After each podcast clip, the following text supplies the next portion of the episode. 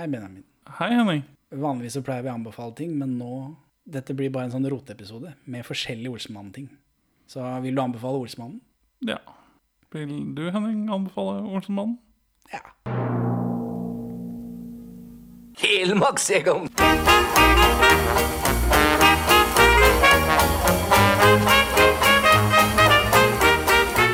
Perla for svin.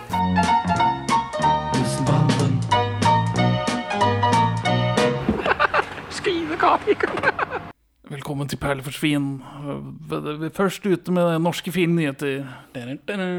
Vi er to middelmådige menn i 30-åra som ser norske filmperler, og i dag så har vi egentlig sett Olsmann og Dynamitt-Harry går amok.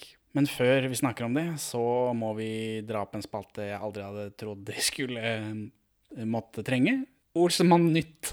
Ja, Nyhetene. det altså Det var litt Lever vi egentlig? Eller er dette sånn vi er døde, og så er dette vår lost det er, jo, kan hende, det er jo veldig overraskende at det plutselig skulle bli aktuelt. At her sitter vi og ser Olsmann-filmer, og så skulle plutselig Olsmann bli aktuelt i nyhetsbildet. Det har jo vært i emning litt, og det var jo denne tidligere filmen de prøvde på. Ja, for du og jeg har jo eh, lolet litt privat over en Dagsavisen-artikkel fra 2017, Ja, hvor de annonserer eh, en ny Olsmann-film som skal lages i forbindelse med 50-årsjubileet, som da er 2019. Eh, og det står 'kjente og kjære skuespillere skal være med'. Og den skal regisseres av Arild Østin Omensen, som er han Mongoland-regissøren. ja. Eh, men de må bare, med en liten sånn hake, da, de må bare få på plass 37 millioner i finansiering først. Og det klarte de da ikke. Nei. Men da levde fortsatt Bovin, da. Ja ja, han rusla vel i fjor. Ja, men det, det er jo spennende at noen andre plukker opp prosjektet etter at Bovim går. Er det noe under bordet-transaksjon på de norske rettighetene til kan jeg ikke tenke meg. Er det noen som eier Olsenbanden? Ja, det er nordisk film. De som nå produserer. Det var ikke de som skulle produsere den forrige. Det er Paradox, heter vel de. Så, men nå er det nordisk film som produserer. For eh, 3. mai i år så annonseres det at det skal komme en ny Olsenmann-film, og det annonseres sammen med et bilde av banden bakfra foran museet, Munch-museet i Bjørvika. Det ble baluba i sosiale medier. ja, i hvert fall i eh, perler understrek for understrek svin på Twitter-hjørnet. Det var ikke bare vi, det var mange andre som Ja, ja, men, i, men i det hjørnet hvor den podcast-tweeteren vår hører hjemme. Ja, I den, de dunkle bakgatene til Twitter. Ja. Og, og i gamle gubbehjørnet av Twitter, da. Der også ble det litt sånn hulabalei. hullabalei. Ja, for ganske fort så var det en fyr som delte et bilde fra settet, hvor man mer kunne skimte hvem som utgjorde denne nye banden. Ja, for det promobildet er jo tatt bakfra, men det så ut som han hadde overvært dette forfra. Mm. Men et stykke unna, da, med telelinse eller hva faen. Ja, Med veldig dårlig mobilkamera. Zoomet inn. Digital zoom, baby. Mm, Ja. mm, mm. Og da ble det ganske kjapt snust ut på Twitter, da. At det var Anders Baasmo som skulle spille Egon, og Jon Carew som skulle spille Benny. De to med star power i den nye banden. Ja. Og har du noen tanker om det? Tanker om castingen? Eh, Jeg var først eh, veldig skeptisk til Jon Carew, siden jeg kun hadde sett han i den skrekkfilmen fra 2015. Tenkte dette er bare, bare flaut. Han, er, han kan jo ikke spille, han er bare en fotball. Han er jo veldig god i de Come On-reklamene som han har gjort i 100 år nå. Jeg ser skuffet ut. eh, Jeg ser skuffet ut i luften. Uh, ikke at jeg ser på lineær-TV, så jeg får ikke med meg hvordan progresjonen er i hans reklameskuespillertalent. Nei, men eh, folk sier hjemmebane er bra. Jeg er ikke så interessert i verken fotball eller lineær-TV, så det har jeg ikke sett. Jeg gikk og fant noen klipp av han som har en emosjonell scene med sønnen sin. Og der er det en stor forskjell fra hvor utrolig dårlig han spiller i denne skrekkfilmen fra 2015, tror jeg det er. Jeg husker ikke hva den heter. Et eller annet kaldt og snø i USA. Hvem vet? Men ja, eh, nå har jeg innsett at han er omtrent akkurat like middelmådig som alle andre norske skuespillere. Så da Da er det greit. Jeg tok og gravde opp Jon Carew i avisarkivet. Og da fant jeg det første gangen han dukker opp i avisen, så er det et oversikt eh, Er det en bildeoversikt over alle småguttlagene i Romerikes Blad. Altså alle i Romeriksdistriktet. Så da er, er det sikkert 200 smågutter som spiller på fotballag, og så er det, og så er det én brun kid. Og det er Jon Carew. Ja, Og da tenker jeg at ja, det, det er greit. Altså, det er, ikke, det er ikke et problem at Benny er brun. Det må vi faktisk tåle. Ja, nei, problem er det ikke, men det er en veldig hacky idé. For det hører med til vår Du er, skrept du er, du er negativ til brun, Benny. Bruni. Du sier det er hacky. At det, det, er, det er det enkleste du kan gjøre. Det hører med til din og min Olsemann-historie at vi skrev et Olsemann-skript Ja, det er sant. Det må vi faktisk i ikke glemme. 2010-2012. Olsenmannen The Gritty Reboot. Ja, som er mest Jeg gjorde vel brorparten av arbeidet, som vanligvis når vi har prosjekter. Jeg er en ideas man. Og tanken var vel at det skulle være mer en parodi på Gritty Reboots enn på Olsmannen. Og der også eh, har jeg Brun Benny. Ja. Og svenskene var jo tidlig ute og reboota Olsmannen med Brun Benny. Så det er jo en ganske Det er en hacky idé.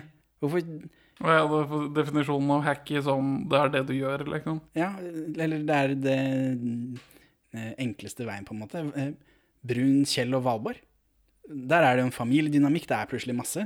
Brun Egon, han er liksom sjefen. Åssen skal vi gjøre dette? Her er det noe. Benny bare er der, han. Det samme hvilken farge han har. Men det trenger ikke å ha noen betydning at han har farge. Nei, nei, men da hadde liksom eh, trenger, Hjemmet til Kjell og Valborg er jo eh, Basen. Ja, men det er utspjåka med masse dritt som eh, sånn eh, mellomborgere i Norge hadde på 70-tallet. Hvordan ser det ut for et pakistansk ektepar? Det hadde vært noe annet, da. Ja, altså Du hadde foretrukket en all female cast reboot av Olsenmannen? Når du søker Olsmannen i NRK-arkivet, så får du opp en del nyhetsartikler om eh, Eller nyhets eh, eh, fra Dagsrevyen, da. Saker om Olsmannen junior.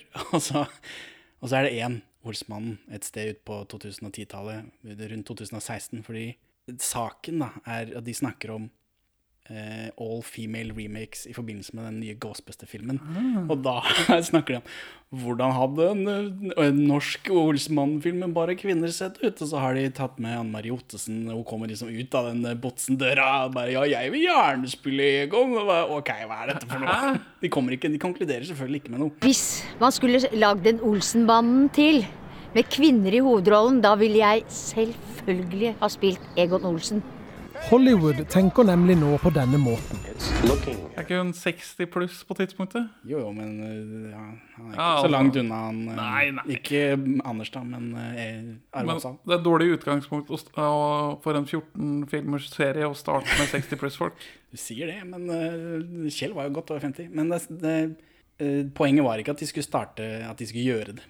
Poenget var det finnes kvinner som kan ha hovedroller i film. Tenk på det. Hva om vi hadde gjort dette med Olsemannen? Ha-ha-ha, så dumt det hadde vært. Noe sånt. Men det, det var veldig, det veldig det var, Jeg syns det var rart når jeg fant den.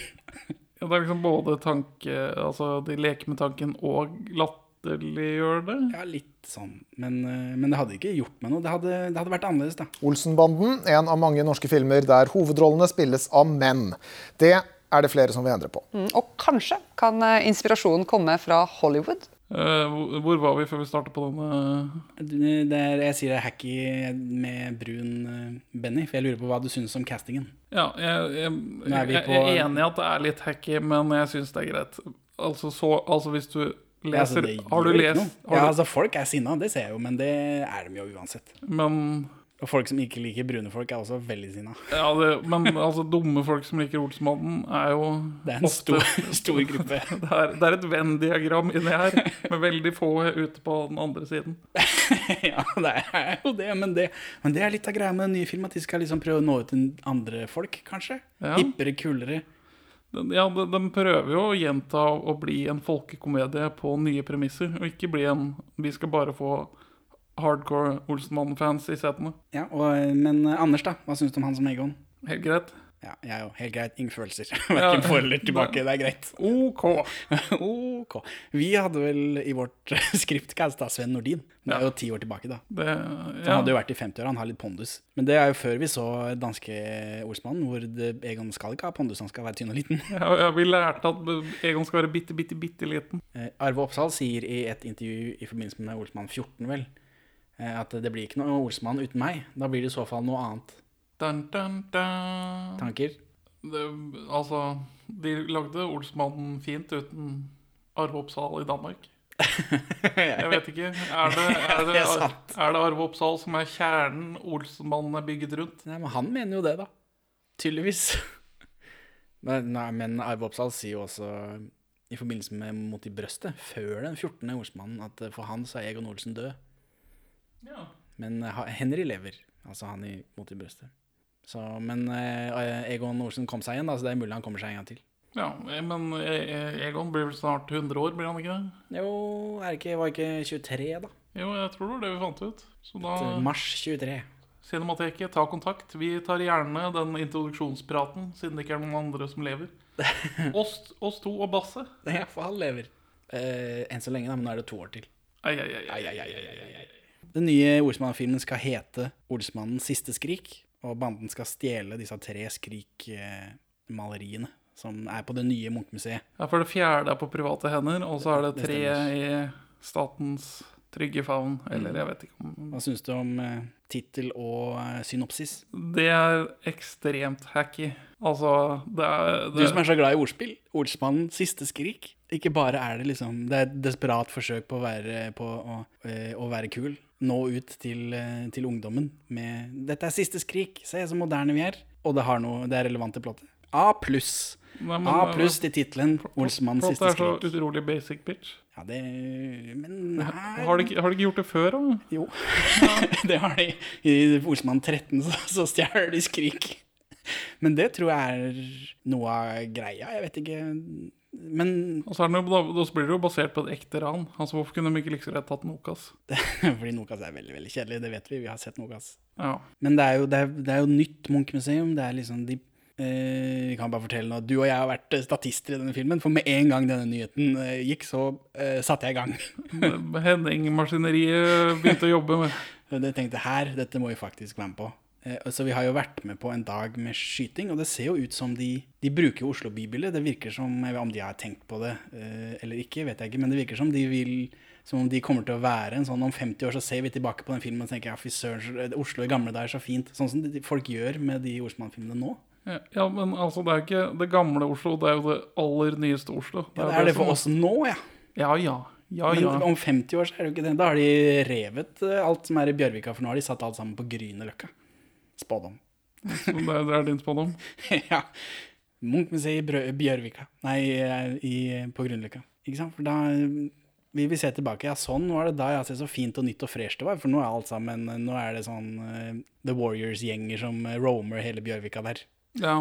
For eksempel. Men det virker som de bruker bybildet og de nye flotte byggene for å vise her er det nye flotte bygg. Sånn ser Oslo ut. Men øh, du kan nå Vi har jo måttet signere en avtale, viser det seg nå. De har jo bedt oss om å holde oss ganske tause. Ja ja, men jeg har jo ikke sagt noe skummelt. Du, du, har, du har avslørt location. Ja, det, Det gjorde de òg De får ringe meg, og eh, jeg får ta den bota, hvis det skulle være sånn. Ja, vi var vel med i en i hvert fall fem-seks forskjellige sekvenser. Eller ikke scener nødvendigvis, da, men Ja, vi får se da åssen det blir klipt. Men eh, hvem, hvem hvem var det som fikk mest screentime da, Henning? jeg mistenker det er deg. Det, det, var, det var helt klart meg. Så vi får se, da. Men alle de kommer til å bli kuttet ut, da, for jeg sitter, jeg sitter bare og stirrer i kamera og malter perler for svin. I en sånn onepiece med logoen vår på. Mm. He over hele.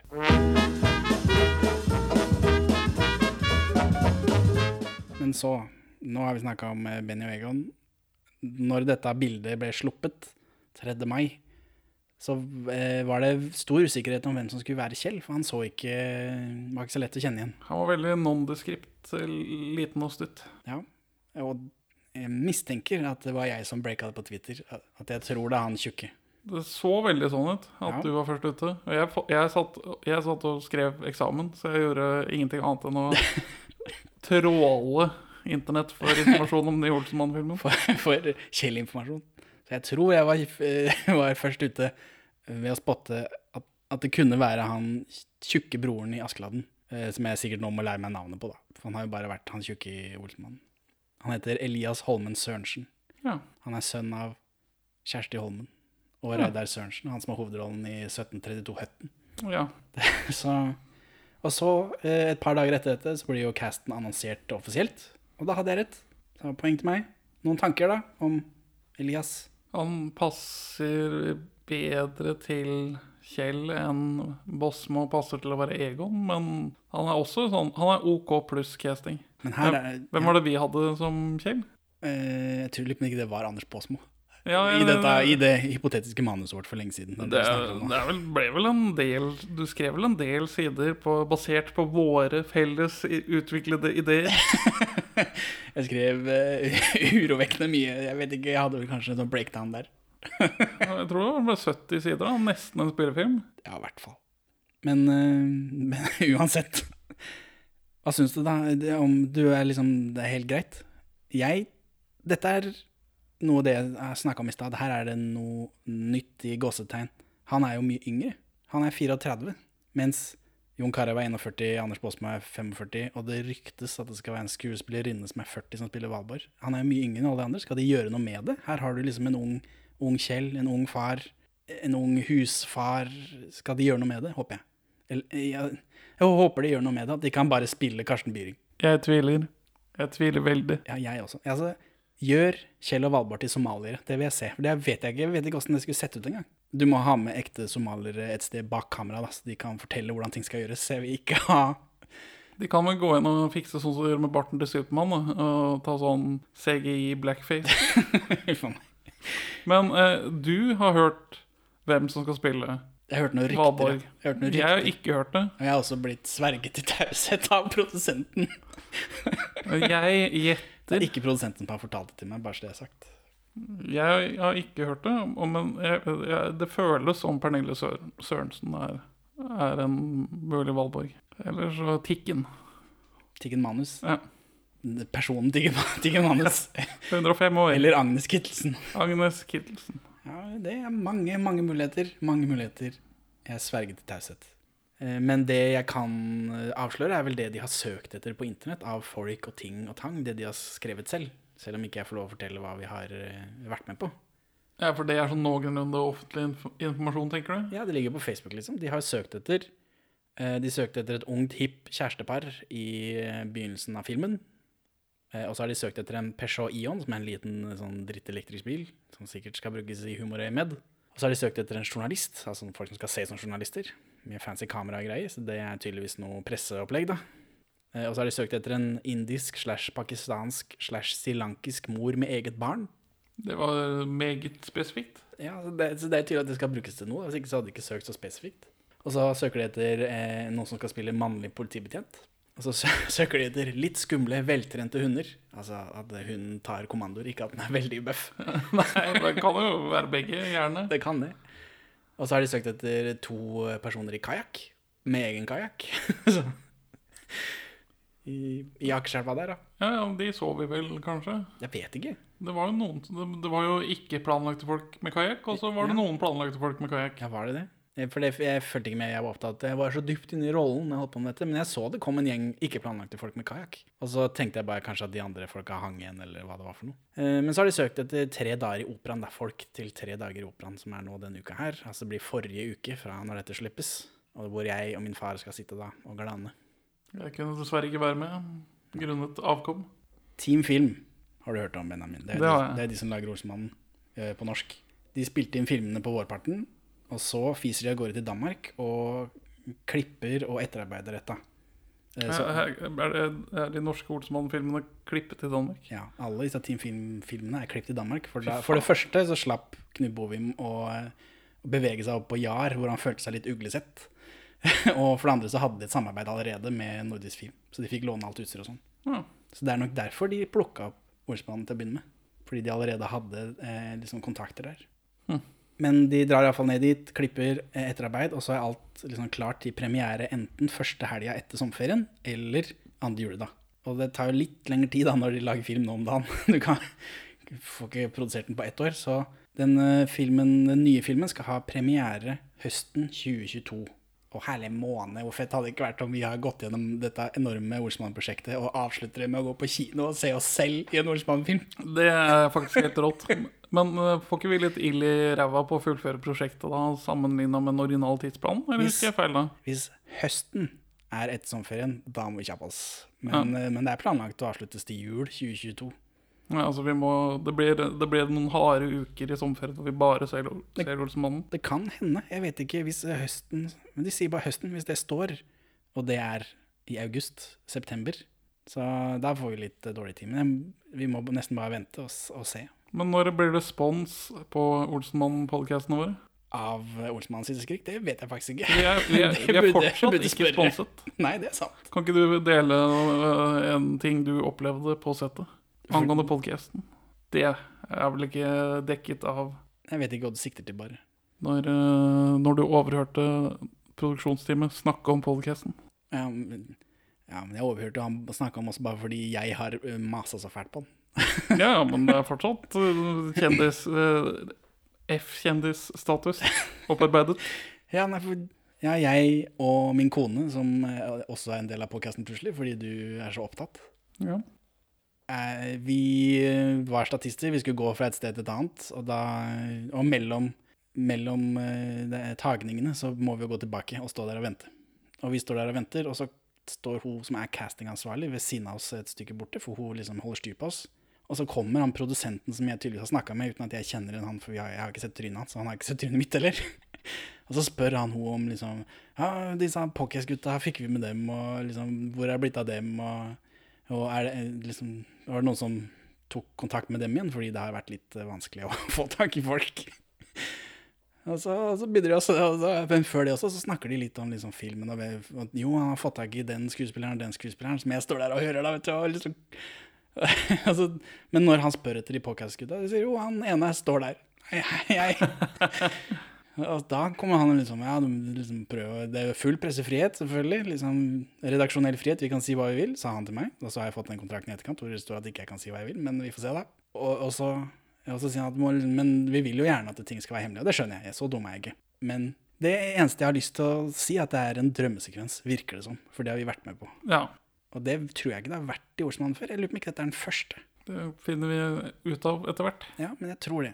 Men så, så han sverget meg til taushet om eh, både den andre. Så sier jeg men, og, ja, fordi han har jo stått og snakka med henne om alle disse andre skuespillerne. Og så står jeg der og hører etter. Så lurt av han å si fra at ikke jeg får lov å si det til alle. Jon Carew sa hei til meg. Gjorde han det? Mm. Ja, jeg var aldri så nær Jon Carew at det gikk. Han og faren min hadde, hadde et forhold. Ja, for du spilte sønn med en annen fyr. Ja. Ja, ja sånn er det å være. Og jeg ble instruert av eh, Jeg vet ikke om Det var jo ikke regissøren. Han sinte briten. Ja, det, skal vi snakke om For vi På et sett et Innbill meg det er produksjonslederen. Ja. En veldig aggressiv fyr som er veldig Og han syntes alt var håpløst, og at alle var dumme. Han var, han var mye sint. Mye sint, samtidig som han liksom var lett i stemningen allikevel noen ganger. Ja, han var kødden og Ja, var veldig eh, angstfylt eh, arbeidsmiljø for meg hvis jeg skulle jobba med det. Men det virka som han var ganske kul med de som faktisk hadde noe å si. Det var bare Han jobber jo med film dagen lang, antar jeg, så han blir jo lei av statister. For vi går jo bare rundt som sauer. Ja, vi, Vi går jo dit vi får beskjed om, og så blir vi plassert et sted hvor ikke han vil at vi skal stå. Og da blir han så grinte. jeg hadde en, øh, en rolle hvor jeg, jeg måtte gå mens jeg gjorde en ting. Mens en karakter passerte forbi meg, og da fikk jeg en instruks om hva jeg skulle gjøre. Og på de fem tagningene vi tok, så fikk ikke jeg noe korreks en eneste gang. Bra. Ja, for dette er ting som ikke jeg var med på, for da var jeg på andre sida av Akerselva. Ja. Så det, hva du drev med der, det vet jeg ikke. Jeg bare, eneste jeg vet, er at jeg gikk opp og ned sammen med min kone eh, trappa der sånn. Og hun er jo fryktelig gravid om dagen, så hun måtte på toalettet. Og alt det var sånn totally stengt, vel, så hun måtte bryte seg inn et sted og si «Hei, jeg er gravid, hvis ikke så tisser jeg på gulvet ditt. Og mens hun gjorde det, så hadde jeg et par tagninger hvor jeg var alene. Det blir gøy å se. ja, vi får se da. Jeg tror ikke det dukker opp. Jeg tror ikke det er mulig å se det. Men sånn er det iallfall. Vi har vært uh, der. Og der vi, men vi var jo ikke statister alene, var vi det? Nei, det var jo en hel gjeng der. Eh, Blant annet Nasrullah Qureshi. Han pakistaner eh, Han som har den pakistanske restauranten, er det det der? I eh, familiesagaen De syv søstre.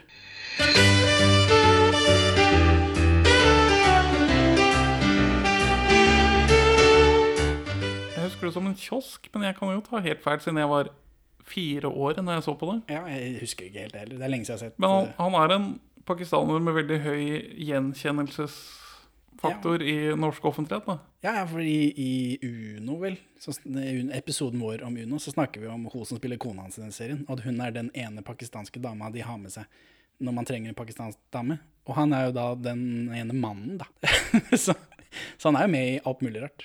Blant annet eh, 'Elsk meg i morgen', Elling-filmen, som han snakka litt om. Vi, for vi ble sittende sammen samme bord. Vi ble jo sittende og snakke med Ja, ja, vi er, vi like this. Ja, så- ja.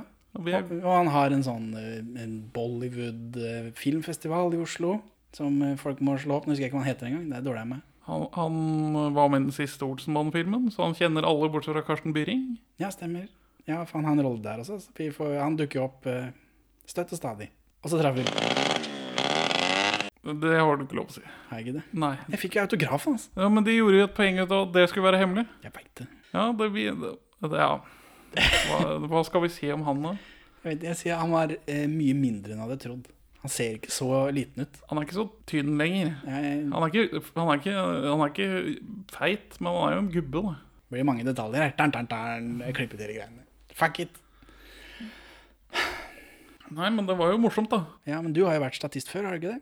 Har Jeg du fortalt fortalte meg i denne podcasten. dette er min andre rolle. Ja, for du har vært uh, ungdom i Kaffe, salmiakk og Zalo, eller noe sånt? Salto, salmiakk og kaffe.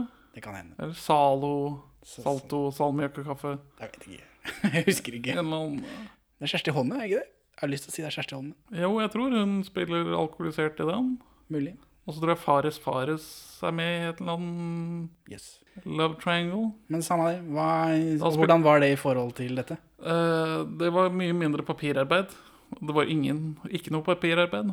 Ja, fordi vi var jo en del av en gjeng Eller jeg har jo mast oss på, og så har de tydeligvis en gjeng med gamlinger som bare pleier å gjøre dette. Ja, For det virka som disse gamlingene de var så ene jeg snakka med. Og nei, jo, dette gjorde hun støtte stadig en gang i uka, kanskje, hvis det passa seg sånn. Hun var pensjonist. Altså, nå skjønner jeg hva som, hva som er greia. Altså, det er jo ikke eksamen hele året. Man kan ikke være eksamensvakt hele året. Og da, hvis, man, hvis man ikke takler å bare gå hjemme og sitte og se på TV Så blir du statist. Ja, for, Men de hadde jo bedt oss om å være relativt unge og hippe til de sekvensene vi skulle være med på.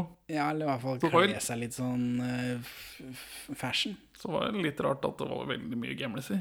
Ja, men akkurat i den scenen hvor det var snakk om å være ung og hipp, så ble det plassert en del yngre folk foran kamera. Og, og meg på siden. da. Jeg, ble, jeg og Kajsa ble sittende på en sånn måte så vi egentlig bare satt og så på filminnstilling, for vi var bak kamera.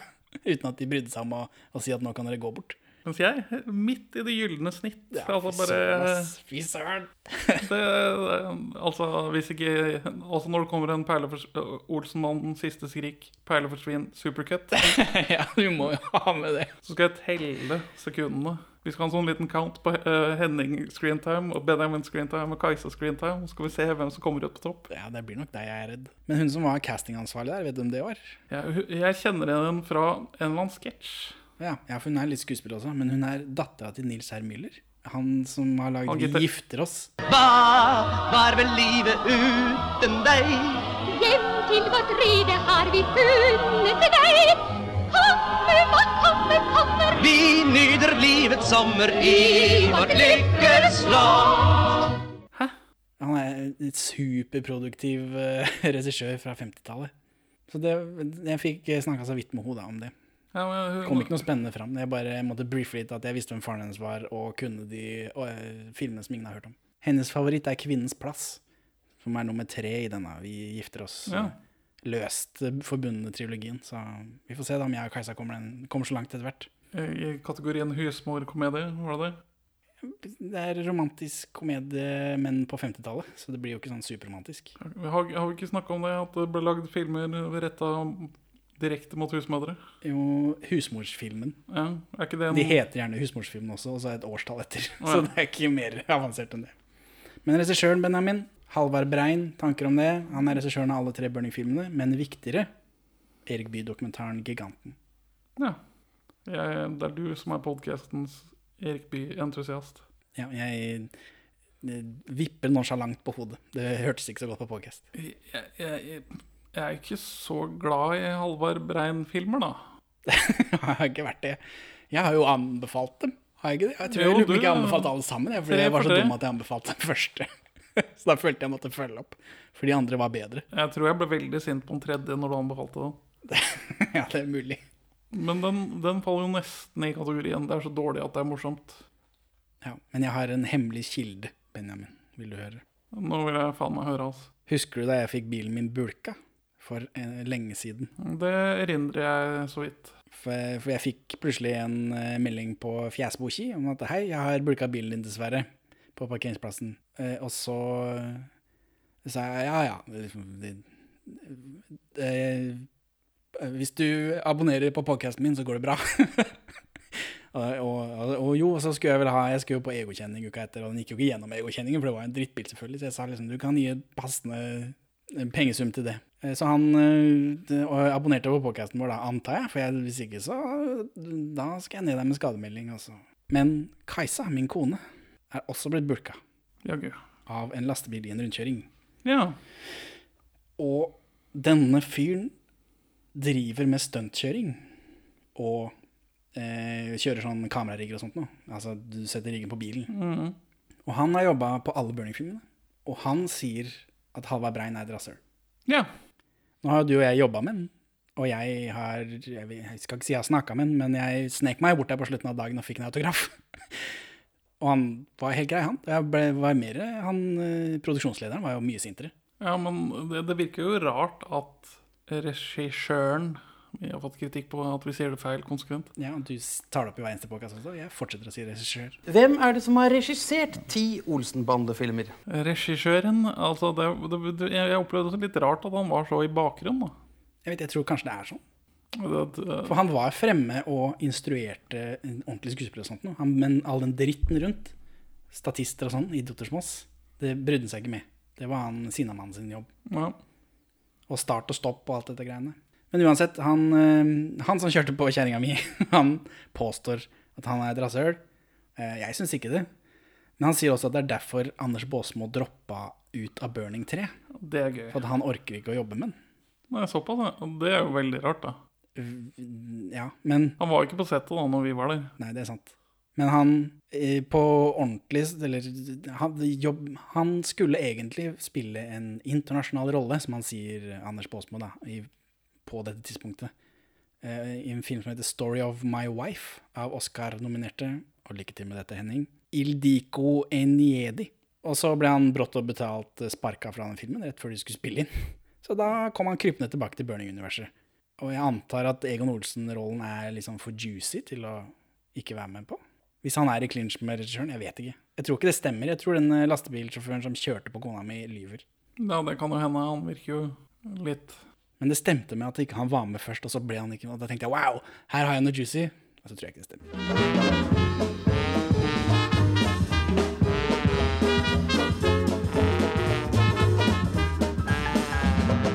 Er det noe lurt av oss å spille i film, Benjamin? Å komme så nære det? Min, min store drøm nå er jo at det skal bli en sånn IMDb running joke. At vi skal være statister i så mange filmer som mulig. Men hva gjør det med oss som anmeldere? da? Jeg kjente veldig på det etter eh, når jeg snakka med han bak Forelsket 87, Morten og sånn. Ja, du ble litt eh, Jeg kjente på det at ah, shit, jeg kan Nå kan heldigvis eneste av alt han produserer er gull. Heldigvis for oss. Men jeg tenkte nå kan jeg liksom ikke snakke dritt om det, kan jeg det? Når jeg vet han hører på. Hei, Morten. Og alt det greiene der. Er det lurt av oss som anmeldere å drive og være med på dette? Nå var det Olsmannen. Den, den står i stein til evig tid. Det skal spille seg i begravelsen min. Men, men, men sånne random filmer som du snakker om nå, er det noe, er det noe lurt av oss å komme så nærme? Tenk om vi blir kjent med Anders Tenk om jeg blir kjent med Aksel Hennie? Da kan vi ikke sitte her og snakke dritt om han Det hver tror, eneste jeg, det tror jeg vi skal klare. Jeg vet ikke. Jeg klarer det. Du klarer det, ja. Jeg kjente litt mer på det. Som podkastens negative stemme skal jeg bære denne fanen videre. Det får du gjøre.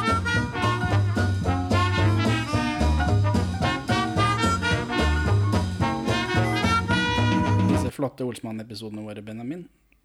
Jeg har kjempet så hardt jeg kunne for å holde de til én episode per film.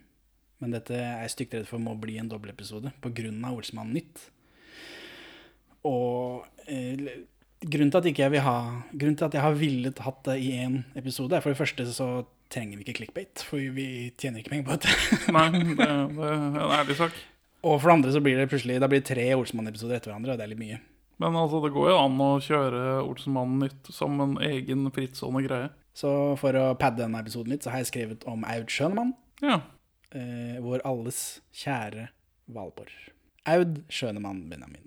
Vi skal ikke engang late som vi snakker om filmen først. Vi skal bare gå rett på Aud. Frittstående Aud. Jo, altså, for dette er en Kall det en bokanmeldelse.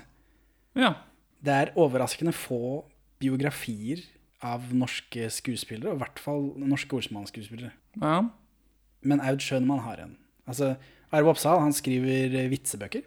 Og selger campingvogner. Ja, skal du forklare den campingvogngreia? Eller har vi gjort det på podcasten? Jeg tror ikke vi har gjort det på podcasten. Nei, jeg, jeg sitter jo og graver en del i avisarkivet. Og da, eller, nei, det dukka opp som en sånn Facebook-reklame. At eh, nå kan du kjøpe de flotteste nye bobilene og campingvognene av Norges ledende campingvogn- og bobilforhandler Arve Oppsal AS. Jeg bare Hva faen er det her for noe? Men jeg har gravd litt i det. Og at jeg tror, jeg tror bedriften eh, ble startet i, på midten av 70-tallet en gang av Kjell Arve Oppsal. Og du mener at han bruker Arve Oppsal som promotion. Altså- men jeg mener at ikke han gjør det, fordi Arve Oppsal har ikke noe med campingvogner å gjøre. Nei, nei, men han har Star Power, og Star Power selger ting alltid uansett. Altså campingvognfolket og Olsenmannen-fans, der har du også et Venn-diagram som Altså, jeg må jo eh, Hvorfor heter det jeg ikke- må, jeg må, Ja, det er det. Jeg må innrømme at det, hvis jeg hadde hatt rett, så hadde det hett Kjell Oppsal campingvogner. Ikke Arve. Så jeg må være enig i det, men jeg mener fortsatt ikke at ikke det stemmer. Beklager. Nei, jeg, jeg mener at det stemmer. Jeg skal sende en melding til Kjell Arve Oppsal på Facebook. Uh, ja, eh, men For det er en annen Arve Oppsal. Ja. Arve Oppsal skriver sånne vitsebøker, sånn Se og Hør-vitser. De dobbeltsidene i Se og Hør, med hvor det er vitser. Han skriver sånne eh, dumme vitser. Og eh, Sverre Holm skriver kokebøker. Og Karsten Byring døde vel før han begynte å trenge penger på 90-tallet. Ja. For det er da Arve og Sverre liksom lager bøker. lager bøker. Men Aud Schønmann har fått en biografi skrevet om seg. Eh, det blir mellom oss av Lars O. Gulbrandsen. Gjør det det? Du har putta det i en bok. Ja. Men Aud Schønmann er født to måneder for tidlig, og hun var så liten at de døpte henne over kjøkkenvasken i tilfelle hun ikke overlevde. Ja. Makes sense. Jeg føler at det stemmer. Ja, hun har en litt sånn skral utstråling. Mora ville kalle henne Aggi, etter sin bestevenninne. Men jordmoren foreslo Aud etter Aud Egde Nissen. Og da ble det visst sånn. så jeg vet Er ikke. Egde Nisse Norges første sykepleier? Aud Egde Nissen. Skuespiller og den første norske kvinnelige regissøren, kanskje. Riktignok i den tyske stumfilmbransjen. Ja. I 1917 så starter Aud Egde Nisse eget produksjonsselskap. Egde Nissen Filmkompani. I Norge eller i Tyskland? I Tyskland. Og disse, fleste av disse filmene er dessverre tapt. Firmaet la ned et par år etterpå. Men hun spilte i filmer av både Ernst Lubitsch, F.W. Murnau, han med Nosferatu, vet du. Og Fritz Lang, Metropolis. Hæ, hun spilte i Nei, ikke Metropolis, men hun spiller i filmer av han. Ja. Hun spiller heller ikke Nosferatu. Nei. Her hjemme så er hun annet med i Bergenstoget plyndret i natt, som no, av noen er regnet for den første påskekrimmen. Og hun er med i Trysil-Knut. Men det er Aud Egde Nissen, da. Ikke eh, Aud Schønmann. Mora til Aud Schønmann, Dagmar Christensen. Ja. De er gode på navn her. Hun var hemmelig gravid. Fordi hun var jo ikke sammen med faren til Aud Schønmann, August Schønmann, som vi snakker om i 'Kjærlighet på Pinovel', hvor han spiller. Komilegenden August Schønmann Post, Ja. Påstått. Ja, nei Det kan hende stemmer da, men han var jo litt for sent til å bli husket av oss som ikke var på revy på 20-tallet. Nei, men jeg, jeg gjorde jo et, nettopp et søk på han i avisarkivet, og da fikk jeg jo 800 treff for navnet hans på mellom 1920 og 1930. Ja, jeg lurer på om ikke han var Som er omtrent like mange treff som jeg får på Henki Kolstad mellom 1940 og 1945. dun, dun, dun, Hva gjorde Henke Kolstad da? Men uh, iallfall. Uh, Dagmar Christensen var 21 år og jobbet med kontorrekvisitter på datid og teater på kveldstid. Og i den biografien, som for øvrig er full av faktafeil, den beskriver ikke hvordan de møtes. Men forholdet altså mellom August Schønemann og Dagmar Christensen blir ikke avslørt før Aud blir født. Og da får hun navnet Schønemann. Ja, det er hyggelig. Å slippe å være lausunge. Ja, men hun, de er jo ikke gift. Så den er lausunge. Er det vanlig å få navn etter far selv om man ikke er gift, i 1922? Altså, dette, dette var jo så tabu på tidspunktet at jeg vet ikke om noe var vanlig. Altså, det gjaldt jo å få dem stua bort på landet, eller Men, drukne de hjemme. Det er pussig at hun fikk hjemme. det navnet. For nå er hun den eneste Nå dør jo han August Schønemann ikke så lenge etter også, så han, hun er jo plutselig den eneste som heter Schønemann i slekta. Tidlig på i Aud, Schøne, Schønemanns karriere så blir hun sammenligna med faren, og folk som kjente begge to, eh, sier at hun ligner. Det, Og det er vi jo enige om, er vi ja, ikke det? hun gjør jo det. Vi, jeg, jeg fant jo ut tidligere her i dag at vi tulla jo på Kjærlighet på pinne med å kalle August Schønemann for Aug Schønemann. Ja, for det var det dummeste jeg hadde hørt. Men han ble jo kalt Aug Schønemann i sin samtid også. Ja, og hun heter Aud ikke på grunn av Aug, Det, ble- men av Aud Egdenissen. Det er, eh, det er for utrolig til å være sant. Og når jeg leser videre i boka hans, så er det fullt mulig at det ikke er sant også. I denne boka, Det blir mellom oss, så skriver Lars Gulbrandsen om at Auds stefar noen ganger var kinovakt på Soria Moria kino, og at hun da kunne se film gratis. I boka så står det, sitat da, Tårene rant i strie fosser nedover kinnene på niåringene da de så den fargede skuespilleren Al Johnson i Sonny Boy. Men så var det også et trist stykke, det var de skjønt enige om. Det er da snakk om henne og en venninne som har sett denne, har vært på kino. I den setningen, bare den ene setningen, så er det tre faktafeil. Gratulerer, Gulbrandsen. Vet du hvilke? det var ikke eh, Al Johnson i den filmen, og det var feil alder. Al, Sonny Boy er en sang i filmen The Singing Fool fra 1928. Ja. Det kan jo hende det er riktig alder, for de kan jo sende filmen senere. Så det vet jeg ikke noe om. Men han heter ikke Al Johnson, han heter Al Jolson. Ja. Og han er ikke farget. Han er hvit i blackface. Ja. Så det er kanskje verdt å nevne Det ville jeg nevnt da om jeg skrev denne boka, Gulbrandsen. Hvor er boka fra? Den er fra 1997. Det er altså før den siste Olsmannen, og før det siste røsket med Fleksnes også, så det er heller ikke med i den boka.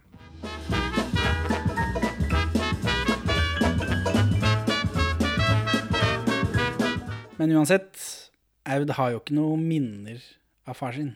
For de var jo ikke sammen noe særlig. Det fins ett bilde av Dagmar, Aud og Aug sammen. Var han ikke sånn tre år når han tok reperen? Jo, han døde også veldig tidlig. Men eh, når Aud er tolv, så dør stefaren hennes også. det var harde tider. Hva tror du Aud Schønmann driver med eh, 8. april 1940? Da er hun 18 år. Hun jobbet i skranken på Fornebu. Hun er alene i København, så hun kommer seg ikke til Oslo før i mai. Nei. Hm. Så det, bare, det er vanskelig for meg å se for meg. Hva gjør jeg som tenåring hvis jeg er borte fra hjemmet, og så er det krig i hele Europa? Ja, og det landet du er i, faller for tyskerne på seks timer. Ja, Og det landet du skal til, brukte to måneder. Lenger enn Frankrike. Ja, ja, Lenger enn Frankrike. Det, det føles som det er dårlig stemning, da. Ja, det, det- er jo litt vanskelig å kanskje komme seg rundt. Man Og krysse landegrenser. Jeg Bare krysse Skagerrak nå, når alle har lagt miner overalt. Kjempegøy. Ja, men eh, det står, det står ikke noe mer om hva hun tenkte eller følte om det, men hun kom seg hjem da i, i mai. Mora, eh, Dagmar, var brevbærer for hjemmefronten, og på et tidspunkt så skjuler de to flyktninger, står det i boka. Stemmer det? Var det mye flyktninger?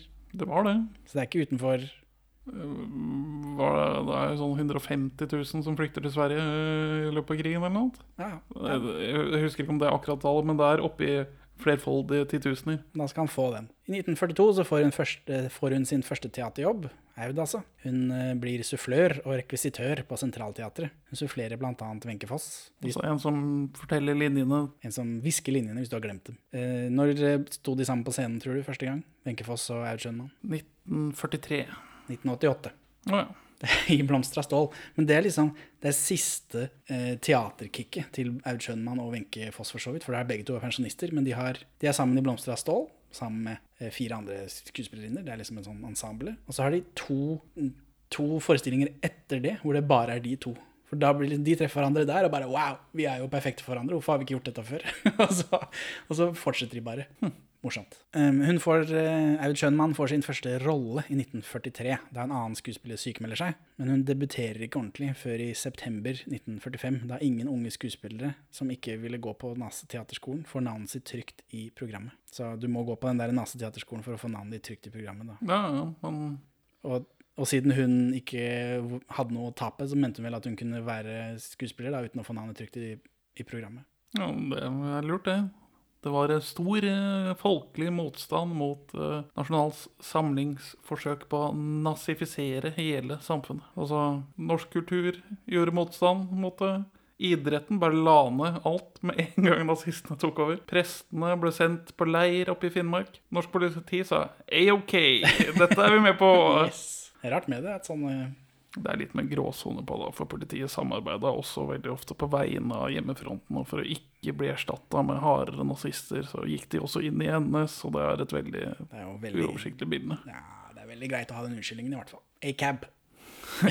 A-cab. ABAB. Uh, all brannmenn are bastards. Ja. Brannmenn får for mye skryt. Denne, denne vitsen har du stjålet fra Ed Izzard, tror jeg. Jeg har tatt den fra mm, Cleveland Show, den der Family Guy-spin-offen. For der er det en fyr som Han er rapper, men han rapper bare om at de må ta brannen. Fuck the firemen, tror jeg. Fuck the firemen come straight from the underground. Uansett, Aud Schønmann. Hun debuterer i 1945. Hun blir sammenlignet med Aug. Naturligvis. Sånn Vanskelig å unngå. I 1948 så gifter hun seg med Jan Pande Rolfsen, som du kjenner godt, regner jeg med. Jeg kjenner til Pande Robsen. Er det han som alle liker? Han er en revymann. Han er jo skuespiller og sånt nå også, men han er først og fremst uh, hallomann i eh, NRK Radio i 30-40 år. Så, men, Dette er Oslo. Ja, etter dette, da. Et, etter krigen.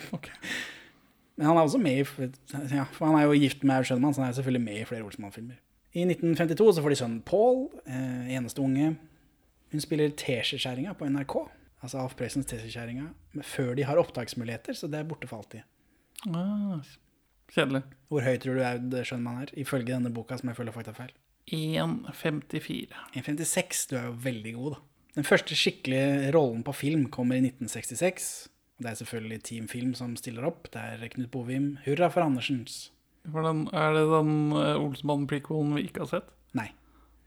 For den Olsmann-filmen vi ikke har sett, eller Olsmann-prequelen vi ikke har sett, Nydelige nelliker. Aud er så vidt med i Nydelige nelliker. Og i biografien, da, den som vi snakker om nå, fortelles det om at Arve Oppsal og Aud Schønmann har pause i innspillingen ved Akerselva. Og da ser de en uteliggerdame drepe og spise en and. Og det gjør de jo i den Sus og dus på byen. Ah. Men jeg, jeg tror ikke på han. jeg tror ikke på han. han i, samme, altså, I den samme biografiboka så beskriver han eh, Lars O. Gulbrandsen også Auds rolle i Sus og dus på byen som en bekymret hjemmeværende kone. Det er feil. Han beskriver også Benny som en snobb. Benny Olsmannen. Og han sier også at Dynamitt-Harry er Egons bror. Så oh ja, han er bare ræva. det er nok noe krøll med anekdotene. Hvem er Lars O.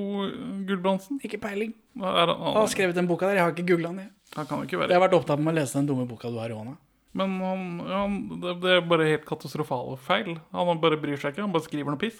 ja, jeg vet ikke. Jeg vet ikke hva som har skjedd, jeg. Men Oslos underverden var hardere i gamle dager, da. Altså, Ja, jeg kan- tror på at en, dam, en uteliggerdame kan ha knerta en Ja, Det står vel i boka at hun dreper og tar med seg en annen, ikke at hun spiser den. Det gjør det i Sus og dus. Det var uh, editorializing.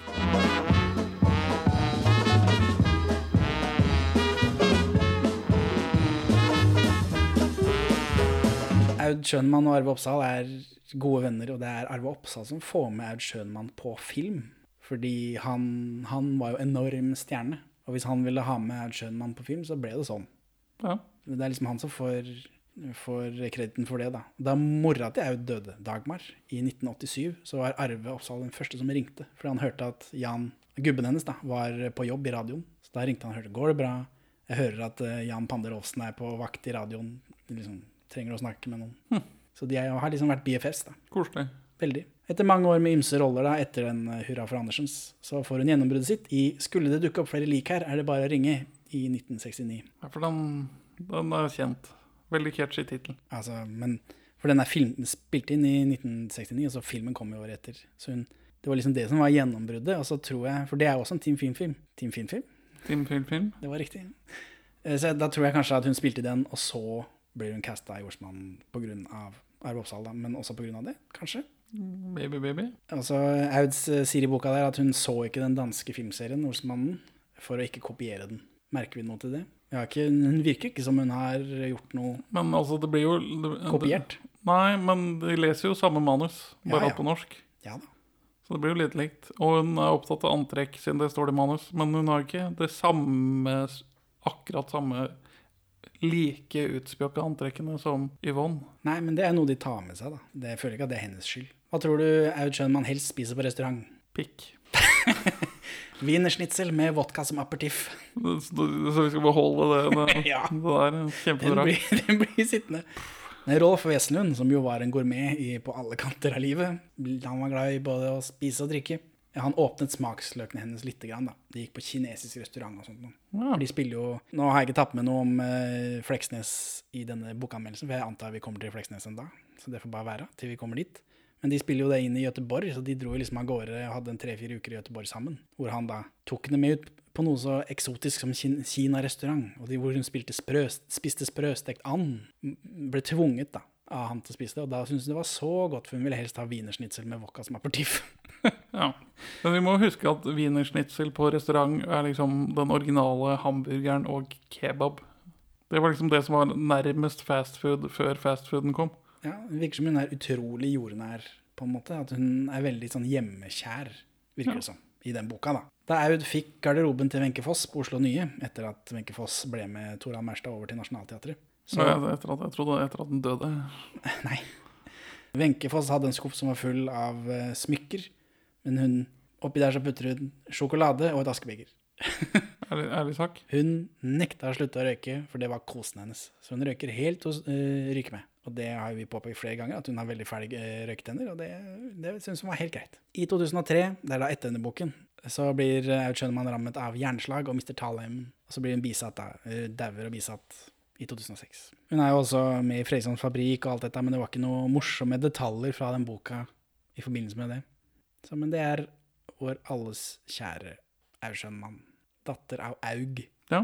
Yes, tanker? Skal vi runde av da, eller? Nei, nei, nei, jeg har ikke noe mer. Hun er liksom folkekjær, og hun har liksom en sånn arbeiderklasseskjerm man ikke kommer unna. Ja, hun er, virker som hun er veldig jordnær, liksom. Og så et postskript. Nå, eh, når vi spiller inn nå, så er det et par dager siden vi spilte inn den forrige episoden, og da eh, har det skjedd ting. Jeg og min far, som er hele grunnen til at vi gjør dette Olsmann-greiene, har vært på Olsmann-innspilling. Eh, far ble ikke brukt. Dårlig. Veldig dårlig. Jeg ble brukt i en scene, da. Eh, men vi skal også tre dager i operaen nå. Du og faren din. Ja. Og masse andre folk, antar jeg. Så det, da håper vi å få far på film. For det hadde vært morsomt. Nå blir det mer spennende å se hvem som får mest spilletid i Olsenbandens siste skrik, Perle for svin, supercut. ja, ja, jeg fikk jo bare én stusslig scene, da, så jeg tror ikke jeg fikk så veldig mange sekunder inn her på lørdag. Men vi får se da de tre siste dagene. Det prøver jo å snike meg frem så mye som mulig, men øh, det vil ikke ha meg. Han, han sinna-fyren som vi refererer til som produksjonsleder, har jeg lært er assisterende regissør. Så han er Ah, regiassistent. Det henger på grep. Det gjør det. Eh, og han øh, Ja, jeg vet ikke Jeg prøver å stikke meg frem, men han, han tar ikke agnet. Nei, men altså, Brein har sikkert snakka om til han hva, hva vi har sagt om Burning-filmene. Jeg, jeg tror ingen på det settet bryr seg noe særlig om oss, dessverre.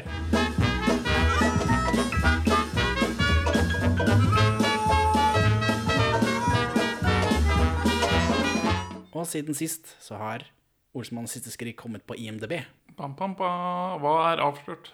Eh, ikke stort, det er bare han som har skrevet det, står der også. Og det har, tenkte ikke jeg over. eh, Og, og det har ikke jeg sett før. Hvem er det som har skrevet det? Han som har skrevet Fjols til fjells 2020. Så det er tydelig at det er en eller annen som har liksom Han har skrevet mye andre greier også, da, som ikke har biter meg merke i, men det er tydelig at han har funnet at mm, gammel dritt, det liker folk kanskje. Og så kommer koronaen og ødelegger for den, så vi får jo aldri vite om folk likte Fjols til fjells. 2020, altså. Ja, hvem var det? Han, hadde det er jo bare kopiert fra staten igjen, og dette skriver gamle ting på nytt. Ta gammel dritt, ja. ja. Eh, Det er det jo, men det er jo ikke gjort så mye i Norge. Bare, en ting er å kopiere fra statene, men du må også ha ideen i Norge, ikke sant? Det er jo det viktigste. Jo, eh, Karsten Fullu heter han fyren. Fullu? Fullu. Ikke bare F-U-L-L-U? Det stemmer. Ikke bare har han eh, laget eh, Fjols til fjells 2020, eller skrevet den, han har også skrevet eh, Jul i Flåklypa, så han har eh, starta den, da, screenplayet, og eh, de andre Flåklypa-greiene, det nye. Eh, og han har skrevet uh, Tre nøtter til Askepott 2021, så han er uh, Men han begynner med noen episoder av Hos Martin, da, så det er jo mm, nydelig. Eh, altså, der er vel der alle store i filmbransjen fikk sin start nå. Ja, det tror jeg. Altså, Snabgrab er liksom han er, Men det virker som han har funnet en nisje. Bare, Aha, jeg kan ta gammel dritt og så gjøre det på nytt. Det liker folk. Og det er jo en egen kunst, det også, sikkert. Ja. Det er vel verdt å merke seg at vi fikk rett om Fjols til fjells sin slutt. At den føltes veldig rart, som om den bygde videre til et eller annet. Og det ble jo den har, det, det har jo vært et Hele filmen var et vehicle for å lage en dårlig TV-serie. Ja, nå har ikke jeg sett en TV-serie, men det handler om et hyttefelt, og hyttehumor i Norge, det, det er det marked for. Ja. I hvert fall etter det året her. Med hyttefolk. Hyttefolk er noen kokos bananas gærninger. Så eh, jeg støtter ideen. Men jeg har, jeg har ikke sett det. Det blir sånn påskeprosjekt til oss et år. Ja. Det ble ikke med en eneste sesong, dessverre. RIP eh, Fjols til fjells TV-serien. Altså det å tape penger på TV-produksjon pga. korona, det er litt rart.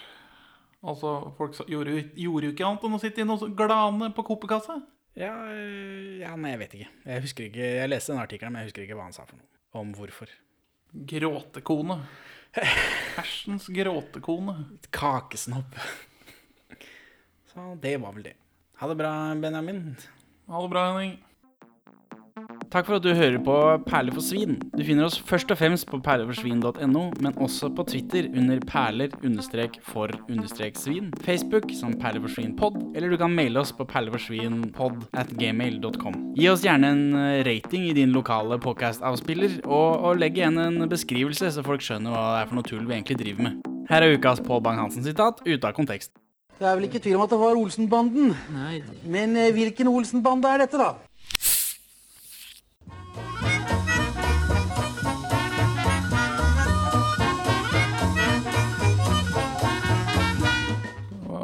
På hvilken dag feirer Aud Schønemann bursdagen sin?